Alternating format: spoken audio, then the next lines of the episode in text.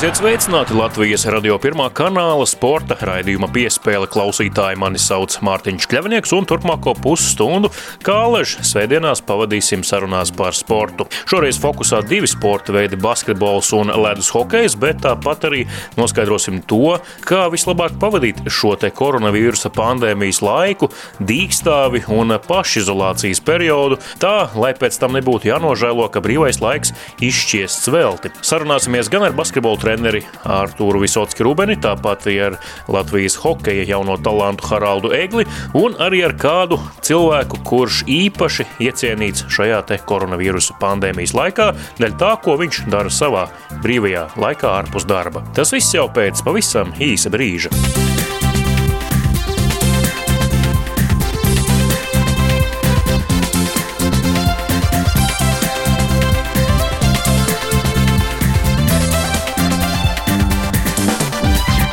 Vai esat dzirdējuši par Latvijas hokeistu Haraldu Egli? Iespējams, ka līdz pat 21. aprīlim par viņu zināja tikai neliela cilvēku grupiņa, taču tagad viņa vārds un uzvārds jau zināms plašākām sabiedrības masām.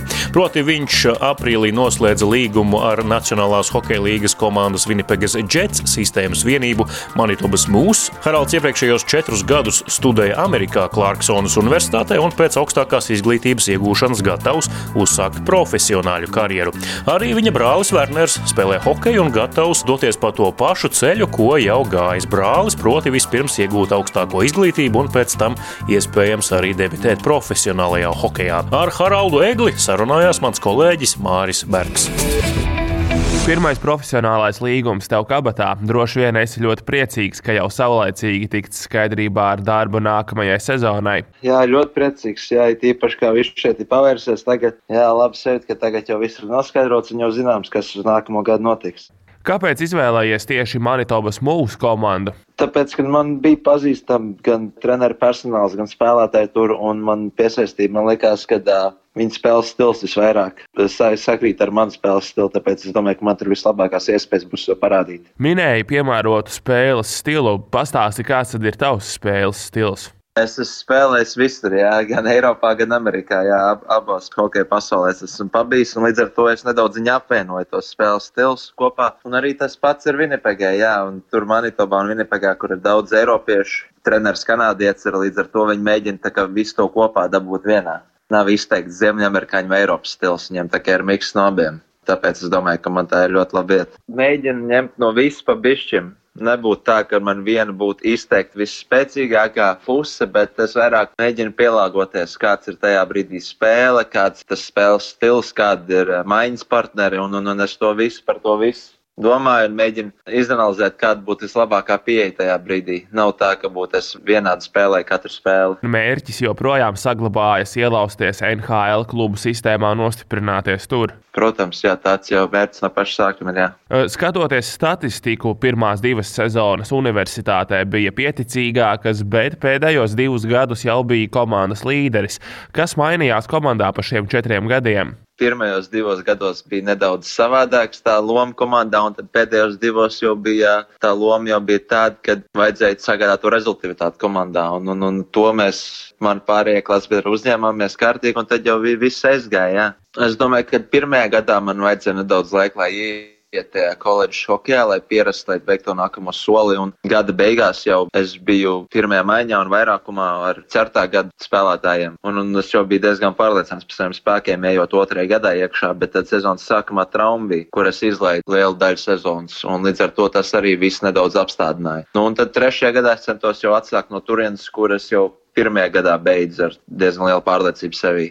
Vecāko kursu studentiem laikam ir zināmas priekšrocības. Tie, kas jau tur ir pabijuši, treneri jau viņi zina, visi zina, ko viņi var, ko viņi nevar, kamēr jauniem jāniek iekšā un jāpierāda sev. Un tā pierādīšana tu varbūt vari uzreiz sev ļoti labi pierādīt, bet tāpat tev būs tas pirmais pusgads, tev paies, līdz dabūs treneru uzticību, līdz tev viss pazīs un, un, un kamēr aizies tā spēle. Jā, tā kā no sākuma priekšroka vienmēr vecākiem jātur būs. Ziemeļamerikas koledžu čempionātā spēlējuši daudz meistarīgu, nu jau NHL HL hokeistu. Pastāsti, kādu hokeju šajā čempionātā spēlē?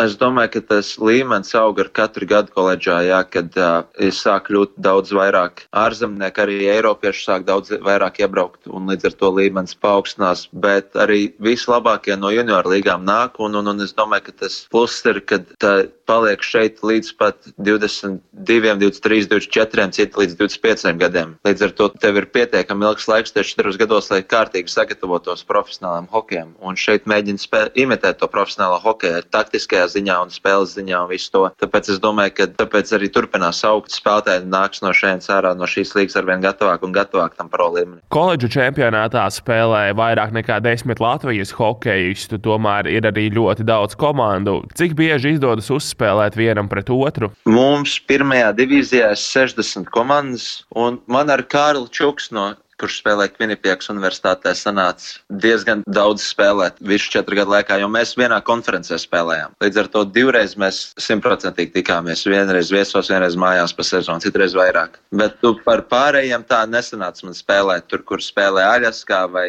AIC vai uh, Arizonas štats, kur Gvido Jansons un Filips Bunds atbrauc pie mums šo sezonu uzspēlēt. Mēs divas spēles bet tā četru gadu laikā nebija spēlējis. Jā. ASV, protams, ir liela valsts, tāpēc pastāsti, cik daudz un tālu jums jāceļo uz spēlēm. Nu, mums, mūsu konferencē mums viss ir salīdzinoši tuvu. Mums Kārli Čukas universitāte vis tālākais bija apmēram 8 stundas ar autobusu. Pārējās viss bija salīdzinoši ļoti tuvu, bet koledžā notiek, ir, ka pirmās 10 līdz varbūt 13 spēles ir pret ārpus konferences komandām. Un, kad tu nospēlē tās spēles, tad pārējā atlikušā sezona ir līdz pat nacionālajam turnīram tikai savā konferencē. Bet pirmās tās desmit spēles, tad sanāk ārpus konferences un sanāk, kad mums gadījās katru gadu lidot kaut kur, lai tiktu uz spēlēm. Tā kā sanāk, sezonas sākumā vis tālāk sanāk lidot un braukt, un tad pēc tam jau mūsu konferencē nav tik tālu. Visus četrus gadus nospēlēja Klārksonas Universitātē.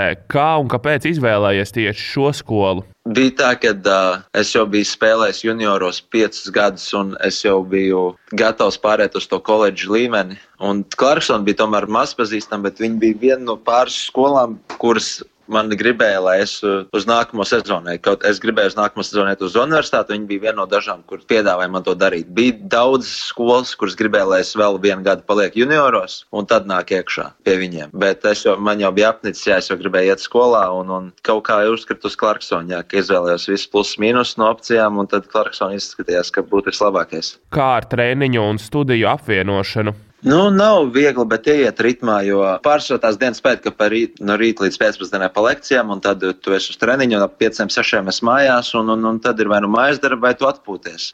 Bet no nu, izbraukumos jau ir tā, ka ir, kad mēs esam katru nedēļas nogali, mēs esam aizņemti, jo mums katru piekdienas sestdienu ir spēles, un svētdienas ir brīvs, bet pārsvarā svētdienas jā, jāvēlt mācībām. Ir. Un, kad mēs esam izbraukumos, tad mēs esam atpakaļ jā, kaut kur svētdienās, 5 no rīta vai 4 no rīta, un, un, un tad Nē, es izgulējos, un tad svētdiena arī vienīgā brīvdiena ir, jo pirmdiena atkal sākās gan skolas, gan treniņi. Universitātē pret sportistiem ir kaut kāda īpaša izturēšanās. Ne, mums atlaides nekādas īpašas nebija, nē, jo mums tomēr tā skola ir akadēmiska, tomēr ir prioritāte akadēmiskais jā, aspekts. Un līdz ar to ir daudz profesoru, kur bija ļoti liela fanāta mums klubam, kur nāca uz spēlēm un ar kuriem varbūt varēja tur parunāt un sarunāt kaut ko tādu, bet tāds, ka tur varbūt nevajadzētu kaut ko nokārtot vai kaut ko tam līdzīgu, tādas nebija atlaides mums. Viss bija tieši kā pārējiem. Četrus gadus esi studējis, tāpēc jājautā, kādā nozarē esi ieguvis izglītību. Politiskā zinātnē, psiholoģija. Es izgāju cauri vairākām, trīs, četriem novirzieniem, un tad psiholoģiju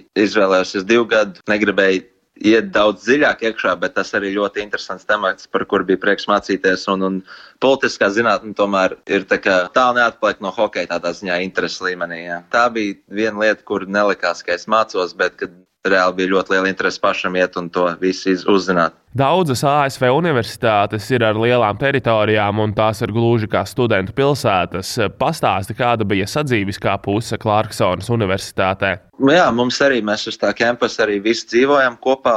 Bija tā, ka mums pirmajā gadā tu esi kojās, otrajā jā, istabā kopā ar istabas biedriem. Tad otrajā gadā tu esi mājā, kur mēs pa četriem dzīvojam, bet divas milzīgas istabas ir, kur pa diviem dzīvo istabā. Un, un trešajā un ceturtajā gadā jau tu esi apartamentos, dzīvokļu apartamentos. Sadzīviskajās mums bija liels bonus, jā, ka mums bija pilnīgi priekšrocība. Mēs varējām pirmie izvēlēties kur dzīvot no tām iespējām. Jo ir vēl citi, kur skolā, kuri trešajos, varbūt ceturtajos pat gados vēl kojās dzīvo. Tur pēc loterijas iet viss. Bet nu, mums, kā hokeja komandai, mums jau bija izveidota sistēma, kad katru gadu jau zini, kurās vietās dzīvos. Kopš 2011. un 2012. gada sezonas spēlēja ASV, bet tagad būs jādodas uz Kanādu.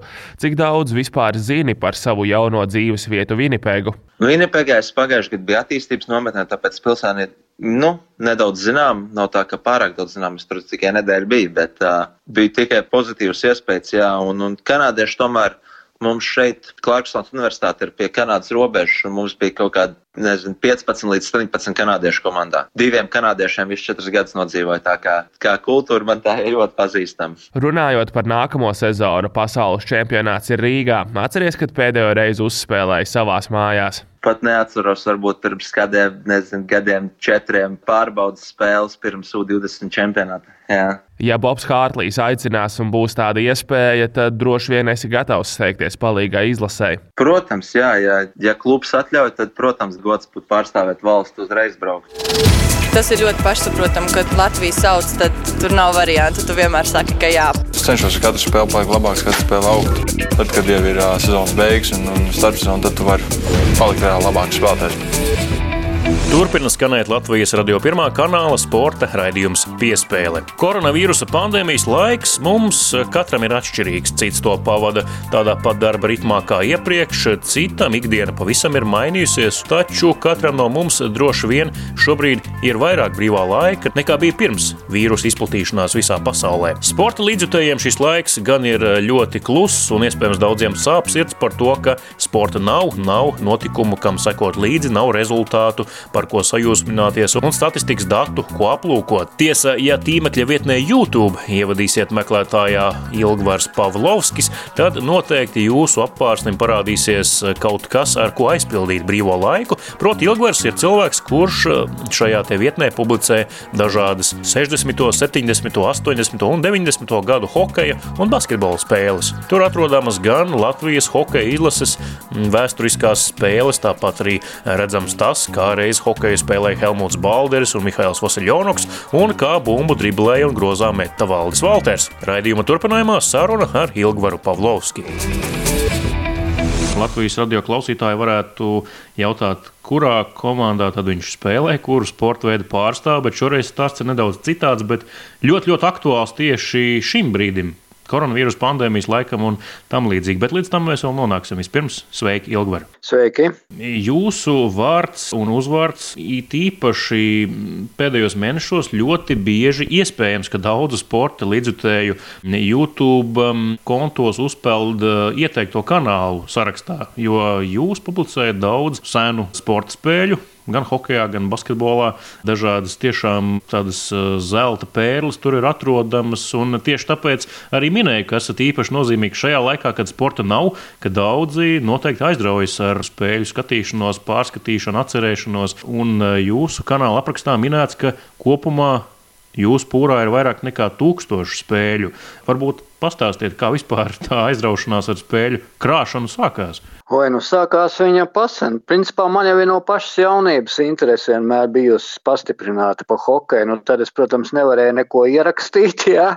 Bet nu, es vācu statistiku, es vācu ļoti centīgu statistiku par visiem hokeistiem, sēdēju bibliotekās, centos tik klāt pie visas iespējamās informācijas. Pēc tam tā kā nu, parādījās tās pirmās iespējas kaut kad 90. gados, kad, kad varēja kaut ko paņemt, kaut kādas spēles no interneta, tur bija visādas tur apmaiņas tās programmas, nu, un tad es sāku aktīvi medīt visu šo te, jā, un, protams, es jau pats arī braukāju līdzi komandai Latvijas, kā Latvijas izlase nodibinājās, un tam man bija interesanti vienkārši rakstīt, nu, mājnieki rakstīja visas tās spēles video magnetofonā, lai mūs pašus redzētu, lai mēs pārskatītu pēc tam atkal to televīzijā, jo viens jau ir uz vietas un otrs ir televīzija. Es savācu milzīgu, milzīgu lielu kolekciju, nu, un tā es sapratu, ka uh, īstenībā par ļoti daudziem cilvēkiem, par to pašu mūsu valdu Valteru, ļoti maz kas vispār ir internetā ielikts. No jaunības esmu gribējis būt kā arī kā žurnālists, kā sporta, ja nu neizdevās izdevās, ja, bet tas man ir gājis iekšā kā hobijs, un es to daru no sirds, un man tas interesē, un es diezgan daudz ko tiešām es uzskatu arī, nu, tagad zinu par to visu, ja. Pirmkārt parādīt, lai jaunieši salīdzina tiešām, nu, kam ir interese, ja, kā izskatījās, kā Balders, teiksim, uz ledus un, un mūsdienu, ja.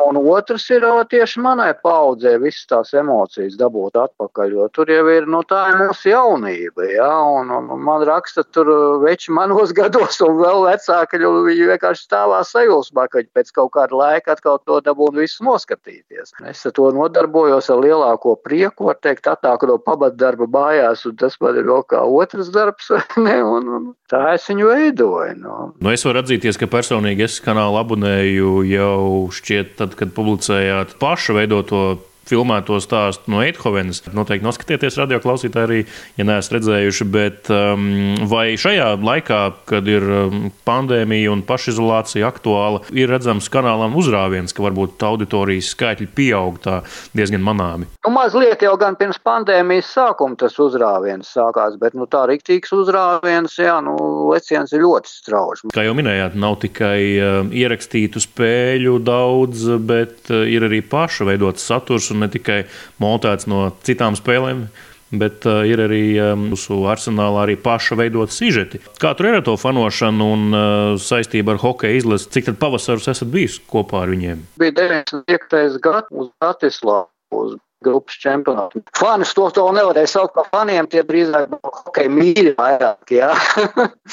Tā tad 96. gadā jau bija video kamera paņēma, jo es sapratu, ka nu, es gribu visu vēl to filmēt, vai ne, un, un lai tas paliek arī tā, kā viņš tagad ir palicis, jā, cik gadi ir pagājuši. Tu saproti, ka tas ir kaut kas super vienkārši, ja, ka tā ir ne tikai tava jaunība, bet viņam izrādās ir arī vēsturiska vērtība. Jā, jo tur, teiksim, Eindhovenā tur jau ir kadri no pat no hokeista ģērbtos, kur, kā saka, mēs pamanījāmies arī iekļūt. Ne tikai ģērbtos, bet pat dušas, dušas tur ir gan rīzoja jau parādīts. Man nākās īstenībā pamatīgi montēt to, lai tur nebūtu vairāk kā vajag. Redzēt. Tad, tad, tad, protams, A grupa bija, vai ne? Tad es braucu arī, nu, es braucu līdz Pēterburgai, līdz 2000 gadam, līdz Pēterburgai, līdz vēsturiskai uzvarai par Krieviju. Tātad kopā kādi 6-5 gadi sanāca. Jā. Mēs ap kopā sieviņu braukājām. Pēc tam vienkārši tas palika tik populārs un tik plašs, un kaut kā jau pa biezu palika, un, un varbūt arī man pašam jau tas vecums jau nu, nebija jau vēl liels, bet mēs pēc tam kaut kā tomēr spēlēt gadu hokeju, piedalīties pasaules mačos un ar Latvijas izlasē tiku iekšā vai ne, un, un braukāt fanot. Šie braucieni tiešām bija vēsturiski, tad cilvēki. Cik mēs pelnījām tajos 90. gados, un stājoties priekšā, jābrauc bija 98. uz Šveici, 99. uz Norvēģiju. Tās ir pasaules dārgākās valstis. Ja. Mēs šeit pelnījām no kapeikas, ja brauc pensionāri, brauc studenti, visu, krāja visu gadu to naudu, lai tik tur tiktu. Ja. Tas Jānis Bruģis tur atrada vienmēr labākos kaut kādus lētākos kempingus, hostelīšus, tur ja, nu, un sapur nost viņam. Ja. Godīgi sakot, arī sastāvs un spēle vairs nav tāda, jo mēs jau tomēr tas. Uh, Krievu hokeja piekritēs. Ne, es, es, es skatos spēles, visas skatos caur televīziju, protams, fanoju tā, bet Diemžēl man ir ļoti žēl, ka nekur, nekur nevar teiksim, atrast pat PSRS čempionāta spēles, un tās visas, pa ko raksta, ja, kur mēs 77. tur un visos pārējos gados, kad mēs to regulāri CSK vinējām. Ja. Tās spēles nu, nu, nu, nav izdevies man nekur izrakt, lai kā es centies. Esmu. Ja mūs klausās kāds tāds uh, pats kvēls fans, kuram video ieraksti gulst kaut kur uh, putekļienā kastē, tad droši jā, varat sazināties ar Ilgvaru un, uh, un tad jau atradīsiet kopīgu valodu. Ilgvaram, paldies par sarunu. Vēl noslēgumā varbūt varat iemest kādu ēsmu tomēr tajā dīķī, kur ir tie, kuri gaida kādu nākamo augšu pielādēto video, kas vēl ir pūrā, kas varētu drīz nākt ārā un ieraudzīt interneta plašumus, kāda spēle vai, vai kas cits. Latvijas izlases šis tas vēl nāks ārā. 97, 8, 9. Nu, protams, vecie 70. Es jau sākumā tomēr pagaidām cenos izlikt tos 70 un tādus gadus, kamēr spēlētāji un, un, un skatītāji, kas to skaties un bija aktuāls, kamēr viņi vēl ir dzīvi vispār. Ja. Kaut ko parakšos, es zinu, ka vēl pa, pa basketbolu šo, šis tas tuvākā laikā, pa valdi vēl pamekšu, pa man šis tas jau ir atrasts jau. Tur varbūt arī vēl tur nā, mazlusiņu vēlāku posmu kaut ko apstīšanas, vai es nevaru atrast par undra vētru. Un, ja gadījumā kādam tiešām ir kaut kas saglabājies, noputēs kaut kādās video kasetēs, Nu, neļaujiet viņiem pazust. Ja. Nu, man nāk tas, ko es rakstīju par tām tūkstošu spēlēm, tas jau ir tā, kā es sāku darboties. Man nemitīgi nāk klāt, man atrod cilvēku, man, kam ir tiešām kaut kas saglabājies, viņi man arī e, piespēlē tos materiālus, teiksim. Tas viss nāk klāt un, un viss turpina attīstīties tā, kā es nebiju domājis, kā, kā viņš aizies tik tālu. Nu, pateicoties īstenībā, jau šitai krīzē, tāds stiprs uzrāviens. Stiprs. Paldies par to, ko darāt, un uh, paldies arī par uh, to jau uz priekšu, ko vēl mēs ieraudzīsim nākotnē. Paldies jums! Tas bija interesanti uh, atvērt šīs durvis pēc 40 gadu pārtraukuma. Spēlētājiem gadās slikts, labs spēles sērijas, bet ir jāceļās, jāmāk piecelties un parādīt savu sniegumu. Turpinās Latvijas radio pirmā kanāla sporta raidījums piespēle studijā Mārtiņš Kļavnieks. Basketbola klubs Vēnspils Allaž ir bijis viens no Latvijas groza bumbas pirmrindniekiem. Allaž tēmējis uz visaugstākajām vietām Latvijas čempionātā un piedalījies arī starptautiskajos turnīros. Nolikā aizvadītā sezona Latvijas Igaunijas basketbola līgā un arī FIBA Eiropas kausā basketbola klubam Vēnspils pagāja kā pa viļņiem. Reizēm ļoti labas spēles mijās ar tādām, ko gribas tuliņ pat aizmirst. Komandas galvenais treneris Treneris pirmo sezonu bija vēl jaunais Artūrs Visockis Rubenis. Viņš iepriekšējos gadus trenēja basketbola klubu Ogre. Vēncpils kluba spēlētāju un arī darbinieku izturību šajā sezonā pārbaudīja ne tikai koronavīrus, bet arī finansiālās problēmas, kas bija saistītas ar Vēncpils brīvostu. Līdz ar to naudas plūsma klubā arī bija diezgan saraustīta. Par to visu jau raidījuma turpinājumā saruna ar basketbola treneri Artūru Visocki Rubeni. Sveiks, Artur! Sveiks! Nu, jau pagājušajā sezonā tu debitēji pie basketbola kluba Vēncpils stūres, līdz tam eh, vadīji basketbola klubu Ogri, pirms tam arī Latvijas universitāti. Tā kā tāda ļoti laba pakāpenība treneru karjerā un uzkāpts arī līdz Latvijas eh, visaugstākajam eh, līmenim klubu basketbolā. Laikam jau tāda ļoti pragmatiska pieeja tev karjerā līdz šim bijusi, vai ne?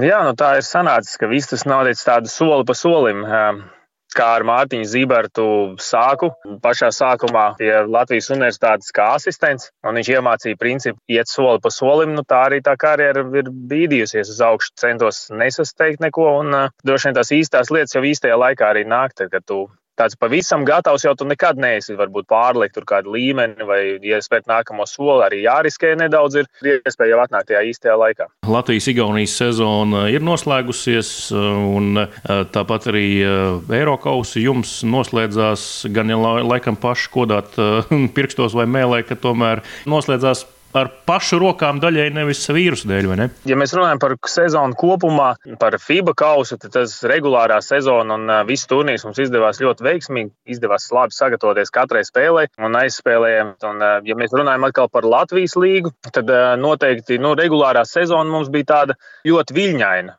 Un mums bija jauna komanda, jauns, trener, jauns treneru kolektīvs. Tas viss prasa laiku, un uh, mēs bijām teikt, procesā, lai tajā pavasarī cīnītos eh, abās līgās par eh, čempionu titulu. Jā, nu basketbola klubā Vēnspils eh, aizvadītajā sezonā jau no sezonas vidus bija jāsadzīvo arī ar ne tikai psiholoģisku spiedienu, kas saistīts ar uzvarām vai zaudējumiem, bet arī to, kas vispār notika ar kluba eksistenci, potenciālo nākotnes vīziju, vispār pastāvēšanu tuvākajā nākotnē. Cik smaga tā situācija bija? Varbūt var pastāstīt radio klausītājiem, cik vispār tā bija kritiska, kad sākās problēmas brīvostā Jā, es domāju, ka tas nav nemaz noslēpums. Nekāds, kad Rauls Plēnits arī ļoti atklāti pateica, un tas ir ļoti pozitīvi, ka viņš godīgi pateica, ka, ja kādam ir labāki piedāvājumi, uz šo brīdi viņi var doties, spēlētāji var doties projām, jo viņš nevarēja apsolīt to, kas, ko pirms sezonas viņš cerēja, ka varēs izpildīt. Nu, mums kā treneriem tas viss ir nedaudz savādāk. Mēs cenšamies gan komandu noskaņot, gan paši sevi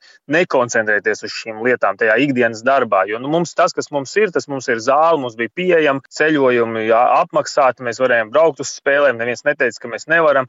Un līdz ar to mēs koncentrējāmies maksimāli tam darbam. Bet nu, distancēties var mēģināt, bet tad, kad tu paskaties savā bankas kontā, tad grūti distancēties. Tajā brīdī vēl vadība darīja pilnīgi, nu, es domāju, visu no viņiem. Uh, iespējamo, lai, lai tomēr katru mēnesi to naudu, arī algus mēs saņemtu.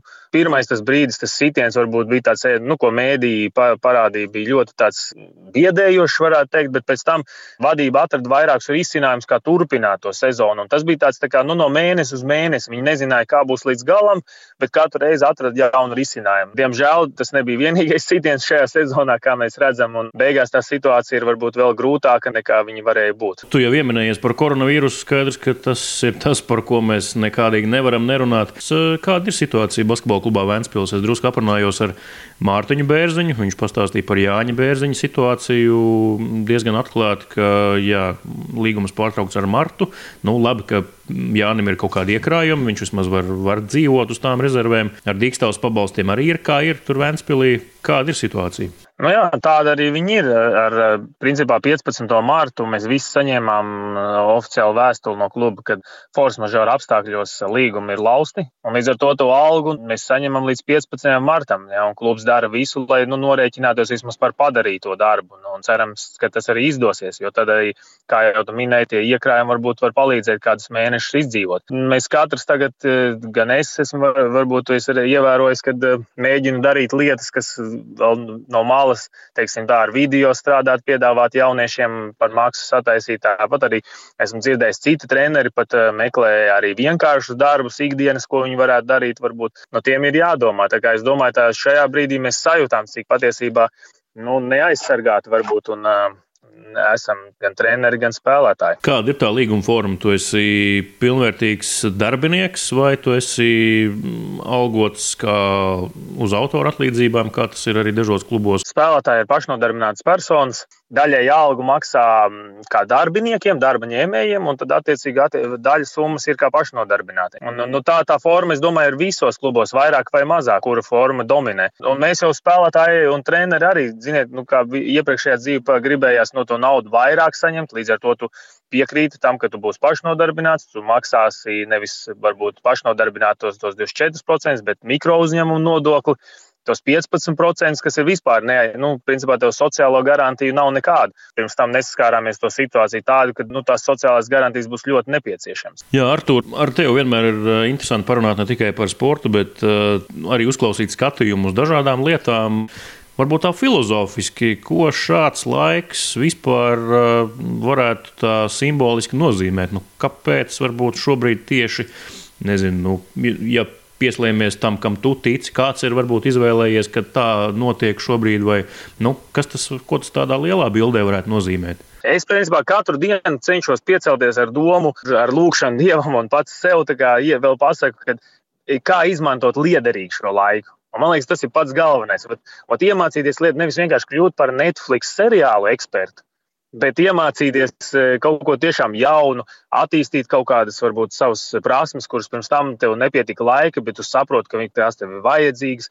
Varbūt lai, veltīt laiku ģimenei, lai arī cik tas klišejiski ne, nebūtu. Ja? E, kad arī mēs vīrieši varam, nezinu, ielikt veļas mašīnā veļu un izmazgāt ne tikai sievietes. Tās varbūt ir klišejas, bet šis laiks ir ļoti vērtīgs ja mēs neskatāmies uz finansiālo pusi, kas ļoti sāpīga ir, tad viss pārējais laiks ir ļoti vērtīgs, lai mēs viņu varētu investēt eh, un pēc tam nu, daudzkārt dabūt atpakaļ, eh, pēc tam jau, kad viss atsāksies. Ja mēs runājam par basketbolistiem, tad es, es tikai iesaku, ka katru dienu izvirzīt sev mērķi un, un turpināt strādāt. Un šis laiks beigsies. Agrāk vai vēlāk viņš beigsies ļoti liela un tāda mm, negaidīta iespēja arī pārvērtēt to, kas ir svarīgs. Jo bieži vien attaisnojums, lai kaut ko nedarītu, bija man nav laika. Tagad tādu frāzi vairs vienkārši nedrīkst izmantot šī frāze vairs noteikti nedara un, un viņi nedrīkst izmantot. Tā kā mums šobrīd ir dots tas pats svarīgākais, tā pati dārgākā lieta, ko kā Gačo eh, saka savā dziesmās, kuru mēs nevaram vairs atgūt. Nu, tas, tas, tā ir mūsu šodiena, ir tā, ko mēs varam izmantot, šis laiks, kas mums dots izmantot. Tā, tā ir katra rīta tāda apņemšanās eh, nodzīvot šo dienu atkal no jauna maksimāli izmantojot šo iespēju. Nedomājot, varbūt tik daudz un negruzoties par finansēm vispārējo, tas ir svarīgi, par to nav šaubu, bet eh, mēs tomēr varam izmantot šo laiku arī, lai atkal eh, attīstītos un tagad teicu izvērtētu lietas. Tālāk basketbola treneris Artūrs eh, Visockis Rubenis. Paldies, Artūr, ka atradīja brīvu brīdi sarunai. Paldies jums!